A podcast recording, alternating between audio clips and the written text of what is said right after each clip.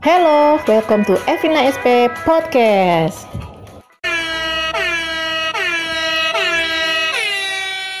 Ini merupakan podcast personal dari seorang blogger dan juga penyuluh pertanian. Selamat mendengarkan. Halo, assalamualaikum warahmatullahi wabarakatuh. Jumpa lagi dengan Evina SP Podcast. Nah, pada episode kali ini saya kedatangan tamu istimewa, rekan blogger, rekan vlogger, rekan influencer, podcaster, dan juga voice over. Uh, pokoknya banyak deh. Dan beliau ini adalah ibu yang sangat produktif, yang baru-baru ini me, apa sedang tekun mengikuti voice over dan saya suka banget dengan suaranya beliau. C. Siapakah beliau? Ya udah, nanti kita uh, dengerin ya hasil rekaman wawancara saya bersama beliau tapi setelah segmen random uh, kali ini. Yuk. Yuk kita masuk ke segmen campur aduk atau random, pikiran random.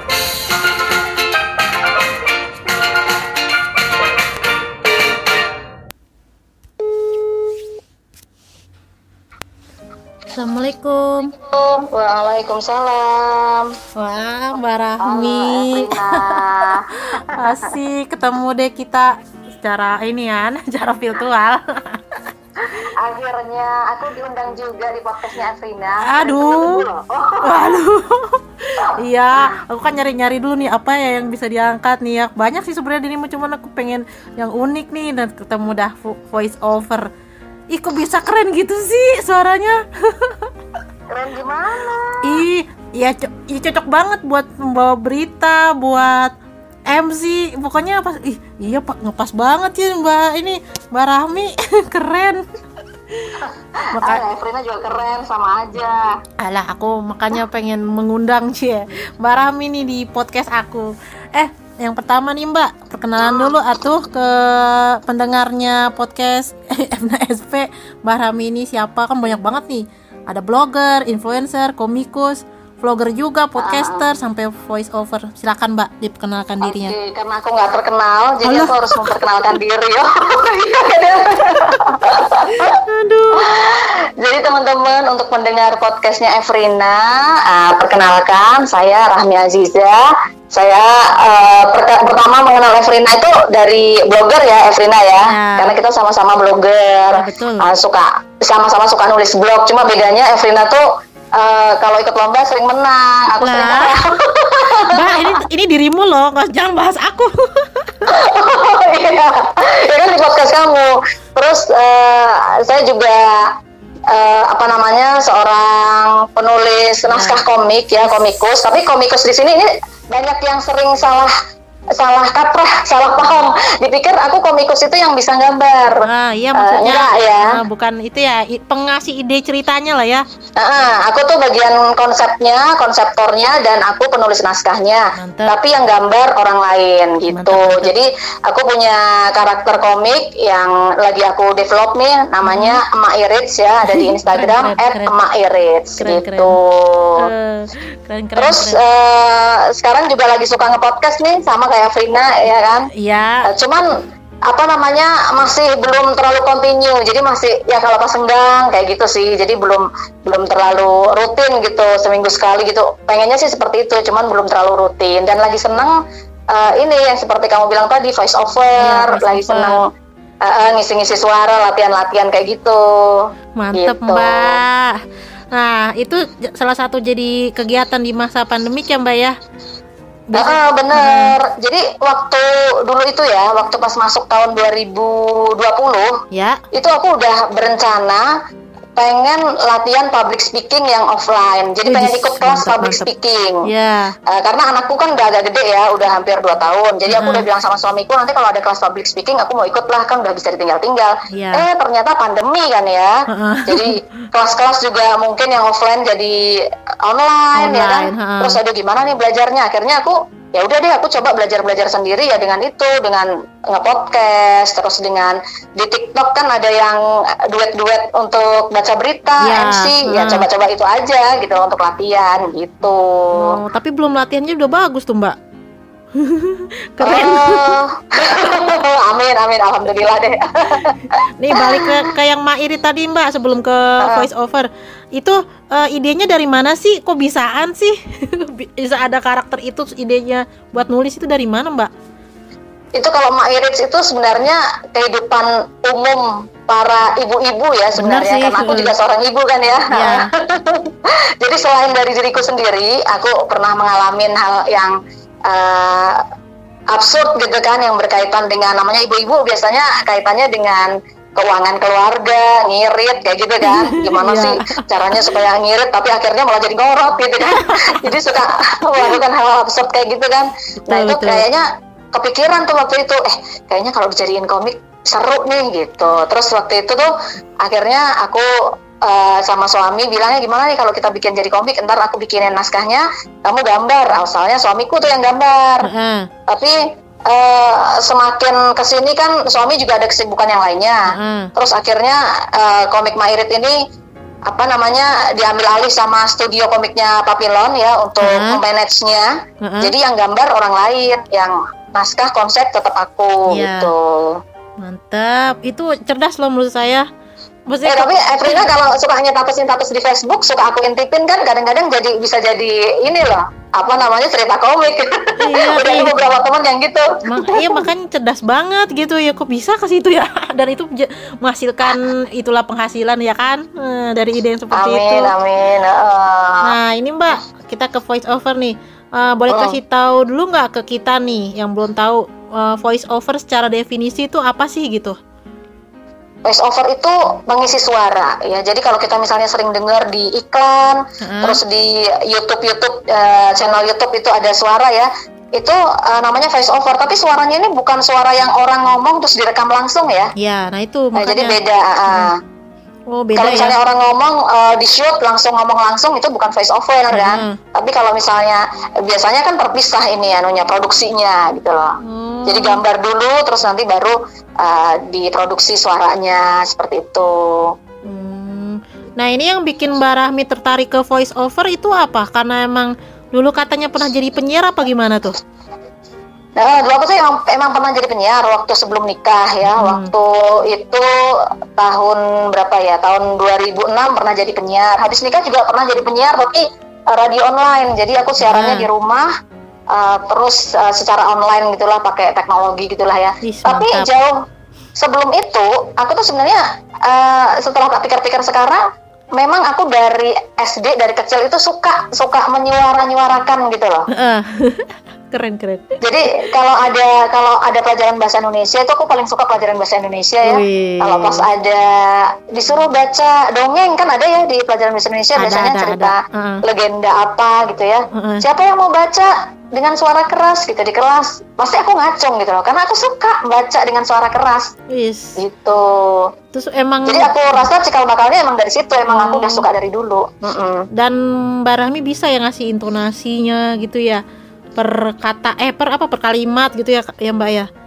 Ya itu karena belajar-belajar juga. Jadi waktu dulu juga pernah ikut-ikut waktu pas zaman siaran pernah ikut kelas uh, ini ya kelas penyiarnya Eko Junior. Wish. terus dari situ juga belajar. Terus juga uh, teman-teman kan ada yang udah jadi penyiar senior gitu baca-baca blognya suka berbagi kan nulis-nulis blog gitu ada tips-tips ya baca-baca dari situ juga jadi ngelatih-latih sendiri juga hmm, otodidaknya juga ada ya plus bakat lah dan ada kemauan uh -uh. sih ya mbak uh -uh. itu kalau misalnya voice over itu profesinya uh -uh. apa aja sih mbak selain pengisi suara jadi bisa jadi apa aja gitu kalau voice over itu ya, kalau misalnya ini bisa jadi dubber kayak gitu sih. Cuman kalau dubber kan ada tantangan tersendiri ya. Uh-huh. Kalau dubber itu suaranya harus uh, apa namanya harus unik. Misalnya kayak suaranya SpongeBob yang agak serak, yang agak oh, ini iya. gitu. Be- beda sih sebenarnya. Uh-huh. Cuman masih masih kayak masih sejalur ya voice over yeah. sama dubber kan sama-sama suara gitu, bisnis suara gitulah. Uh-huh. Gitu. Tapi voice over juga ya udah uh, memang cukup menjanjikan juga sih gitu industri voice over ini karena banyak yang cari kan sekarang banyak iya. orang punya channel YouTube gitu ya. Uh-huh. Ada juga yang terjemahan misalnya aslinya dari Korea sana mau ngubah bahasa Indonesia, cari uh, apa namanya pengisi suara Indonesia itu kemarin banyak tuh uh, lowongan lowongan kayak gitu. Hmm. Pengennya suaranya yang ceria, misalnya energik seperti ini seperti ini. Contohnya ini yang bahasa Korea, dia pengen cari yang uh, berbahasa Indonesianya. Jadi cukup banyak, lumayan. Iya ya. Dan saya baru tahu nih setelah uh, kepo ke Instagramnya Mbak Rahmi, ternyata ada oh. lombanya juga ya voice over tuh ya. Sampai iya, ada lombanya ya, bener aku juga baru tahu memang akhir-akhir ini sih baru ikut-ikut uh, lomba-lomba itu akhir-akhir ini karena uh, baru akhir-akhir ini juga aku punya teman-teman yang sesama face over ya menekuni hmm. dunia itu jadi informasinya dapat gitu loh kalau dulu karena nggak punya temen yang di circle itu kan jadi informasinya nggak nyampe ke aku ya nggak? Aku nggak yeah. dulu belum gabung komunitas face over sekarang udah gabung jadi bisa dapat informasi seperti itu. Mantap deh ih. Uh, jadi apa ya ini aku bar, kemarin aja baru kenal yang namanya podcast sekarang voice over oh ternyata ada lagi profesi yang seperti ini ya gitu yang istilahnya hobi tapi juga menghasilkan. Uh -uh, menjual suara gitu menjual ya? Menjual suara uh -uh. Nah ini mbak kalau menurut mbak nih ada nggak sih uh, persyaratan tertentu supaya kita bisa jadi voice over apakah harus suaranya bagus atau gimana sebenarnya kalau suara bagus itu relatif ya itu sama seperti dengan orang bilang uh, cantik atau jelek penampilan gitu loh. Uh-huh. Nah, itu kan relatif ya. Jadi yeah. kalau misalnya kita itu bisa merawat diri, bisa memadu padankan uh, baju sama jilbab sama apa kan terlihat menarik, terlihat cantik ya nggak? Nah, ya seperti itu. Jadi suara itu sebenarnya semua orang punya suara yang unik, punya suara yang berbeda-beda. Jadi nggak bisa dibilang juga, oh suara dia jelek, nggak bisa dibilang gitu. Cuman bedanya mungkin suaranya itu terlatih atau diolah atau tidak. Jadi suara itu bisa kita latih, bisa kita bisa olah jadi hmm. enak didengar. Hmm, suara perut atau suara apa gitu kali ya? kalau nyanyi nah, gitu nah kan. Kalau, kalau itu nafas. Oh, jadi nafas, kalau uh, uh, pernafasan diafragma kalau penyiar itu dia harus berlatih suara diafragma supaya hmm. nafasnya panjang, hmm. nggak terdengar terengah-engah nafasnya hmm. seperti itu sih. Itu aku juga masih latihan karena uh, berat juga ternyata. Hmm, gitu. Yang itu ya Mbak yang berarti sama kayak yang uh, waktu Mbak jadi nge-voice overin bacaan berita itu ya. Itu kan uh. cepet banget tuh. Tuh bisa uh. begitu tuh gimana tuh Mbak? itu sebenarnya udah kayak yang puluhan kali loh F jadi oh, sekali gitu. langsung uh. lancar kayak kereta api hmm. jadi ya emang tantangannya kalau membaca cepat itu kan belibet suka belibet ya kadang-kadang keselio iya iya Nah, itu tantangannya gitu. Jadi kadang uh, di tag pertama yang di tengah-tengah keseleo, di tag yang berikutnya yang paling terakhir keseleo ya kayak gitu-gitu. Akhirnya ulangin, ulangin, ulangin sampai dapet yang seperti itu. Itu emang emang kita harus latihan sih, mm-hmm. latihan baca cepet gitu supaya apa ya supaya nggak keseleo ya. Kalau kita baca cepet nggak keseleo, insya Allah baca yang eh, nggak uh, cepet bisa lebih lancar lagi kan. Oh, iya yeah, berarti tetap butuh jam terbang sama latihan juga ya Mbak ya. Uh -uh. Ini uh, boleh contohin nggak Mbak ini uh, kita nih uh, Mbak lagi nge-voice over apa gitu suaranya? Voice over apa ya? Apa ya? uh, apa ya? uh, kemarin aku baru bikin voice over untuk iklan iklan ini sendiri sih nah, iklan nah, deh, uh, itu. apa namanya uh, toko komik Ya oh iya. Jadi aku kepikiran. Oh iya betul tuh aku denger tuh Mbak. Aku kepikiran kemarin bikin uh, apa namanya iklan toko komikku coba di voice over gitu ya. Hmm. Coba ya saya aku lihat naskahnya dulu. ya betul betul betul. Uh, naskahnya man. Ada naskahnya. Kalau enggak nanti pendengar suruh cus ke langsung ke Instagramnya Mbak aja gitu. Uh, uh, nah, ya udah. Bisa juga nih, coba nih ya sebentar. Coba, nah, coba, ini coba. nih, sok, ada nih. Sik sik ya. Kita dengerin. Anak kecanduan gadget, jangan hanya dilarang bun, berikan juga alternatif kegiatan penggantinya. Membaca komik merupakan salah satu aktivitas untuk mengalihkan anak dari gadget. Berikan anak Anda komik berkualitas yang bisa menghibur sekaligus mendidik. Papillon Comic Shop menyediakan banyak pilihan komik islami. Mau komik islami yang lucu, petualangan seru, cerita sehari-hari yang menginspirasi, atau kisah pahlawan Islam. Semuanya ada di Papillon Comic Shop. Nah, kayak gitu deh. Keren banget, Mbak. Beda banget loh.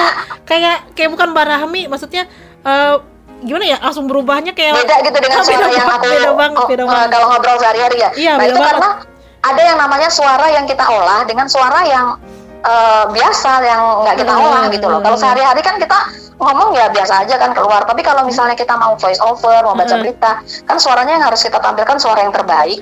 Dan itu kita harus olah suaranya gitu loh. Iya, jadi Ya, kayak gimana Mbak? Misalnya kayak Mbak Rahmi tuh dari orang biasa jadi bu- bukan orang biasa gitu. Maksudnya kayak jadi kayak global superhero beda banget soalnya. Uh-uh, jadi semuanya keren, bisa sih sebenarnya, asalkan kita tahu teknik mengolah suaranya gitu. Oh, siap siap siap siap. Ya udah, ini terakhir nih Mbak. Ada Oh. saran nggak buat temen-temen yang mau jadi voice over teh? ya? Kalau untuk teman-teman yang mau menekuni dunia voice over ya, Mm-mm. uh, terutama untuk yang masih pemula ini, yang pertama itu gabung di komunitas, itu supaya kita komunitas. bisa dapat teman yang sevisi ya, se Yes. apa namanya kan seneng gitu kalau misalnya kita berjuang bareng-bareng ya kan, Oh, betul. pastinya senang. Kayak kita blogger kan ada komunitas blogger tuh, Betul. jadi kalau ada info lomba blog kita dapat, ada tips ngeblog kita dapat. Nah, voice over juga kayak gitu. Gabung di komunitas. Kalau di yang aku gabung sekarang itu mungkin bisa jadi referensi teman-teman ya. Mungkin ada banyak komunitas sih, tapi yang aku gabung sekarang itu komunitas voice over Daber Announcer Indonesia KVDAI itu ada di Facebook. siap siap Terus nanti siap. kalau udah gabung bisa uh, gabung juga di grup WhatsApp-nya atau untuk podcast nih, Evrina udah gabung belum nih di komunitas podcaster Indonesia? Belum belum. Aku masih Ada masih juga tuh. dikit. Nah, tapi ini di Discord komunitasnya. oh, ya ya ya ya ya. Jadi teman-teman kalau mau bisa ke Instagramnya aja @podcaster.id kalau nggak salah itu deh. Oh, siap, Coba siap. dicek aja.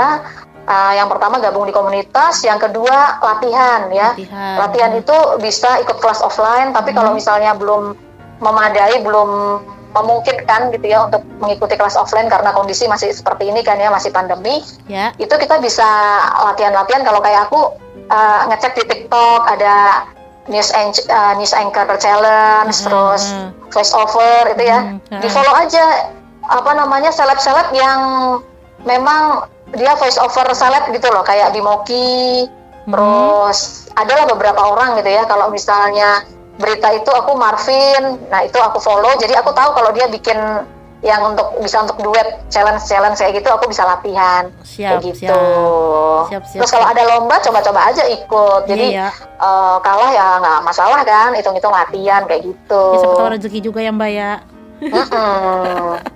Oke Mbak Rahmi terima kasih banyak Tapi sebelum itu coba promosiin nih semua channelnya Mbak Rahmi Biar teman-teman pada tahu Nah gitu Oh iya iya iya ya. Eh, untuk teman-teman yang mungkin mau kenal aku lebih dekat ya, bisa Iya. ke Instagramku di @rahmi.aziza. Mm-mm. Terus sekarang aku bikin ini sih F, aku Apa? bikin apa namanya Instagram khusus yang untuk suara. Jadi kalau misalnya ada klien gitu ya, aku mau nunjukin portofolioku, aku bisa Uh-huh. langsung ke Instagram itu. Mantap Apa tuh supaya Mbak? nggak nyampur. Itu ada eh, Instagramnya mi mie titik Uh-huh. voice ya, mie Oh, titik Iya voice. iya ntar aku Belum Cuma suruh belum banyak sih di situ. Siap Terus siap. untuk teman-teman yang mau baca komik ya, baca Iya, komik Iya gratis, iya iya bisa ke Instagram @mairit. Mbak Irit Tuh udah followersnya Mm-mm. banyak Banyak banget Terus untuk podcast, eh, aku juga punya podcast namanya Talk Podcast Talk with Me. Woi iya talk with me ya. Ngobrol-ngobrol kayak gini juga. Sempat Mm-mm. kita kemarin ngobrol ya eh, sama Iya. Aslina tuh bahas soal eh, Korea ya. Iya Terus untuk eh, YouTube juga ada sih YouTube-nya eh, Rahmi Aziza. Cuma ya Hmm. sekarang lagi agak-agak jarang ini lagi posting, belum posting lagi sih. Mm-mm. Gitu. Fokus lagi fokus soalnya di podcast sama di voice over ya Mbak Ya mudah-mudahan. Eh blognya mana blognya? Oh iya, blog ya lupa ya. Iya. blog ada di rahmiaziza.com sama di mairits.com. Wes, ada dua tuh mantep jadi Ah. produktif sekali ibu ini ya. Monggo yang mau mampir untuk membaca baca ya, bisa Mantap, mampir. mantap. Ya udah, Mbak Rahmi terima kasih banyak atas waktunya eh, sudah mau Makasih juga berbagi Evrina. ya di podcast. Semoga Mm-mm. bermanfaat nih buat kita semua, buat saya juga. Lucu aja gitu Amin, seneng lihat eh, orang-orang teman-teman yang pada voice over dan bagus gitu saya jadi wah keren saya itu sendiri gitu. Oh, coba aja Evrina dicoba dong. Oh, enggak, aku podcast aja. aku malu. ya udah, terima kasih banyak ya Mbak. Mohon maaf okay, telah mengganggu waktunya. Ya, assalamualaikum. Ya, Waalaikumsalam. Ya, itu tadi hasil perbincangan saya dengan Mbak Rahmi Aziza via telepon ya. Mbak Rahmi ini produktif banget kan, dia tinggal di Semarang dan uh, ibu yang sangat produktif banget semua channel uh, dia punya. Nah, semoga uh, obrolan kami tadi bermanfaat untuk uh, para pendengar semua untuk dapat memanfaatkan teknologi dengan sebaik-baiknya dan menghasilkan suatu produktivitas ya yang juga uh, syukurnya nanti menghasilkan penghasilan juga gitu. Ya udah, uh, sampai jumpa lagi pada episode podcast selanjutnya di Evina SP Podcast.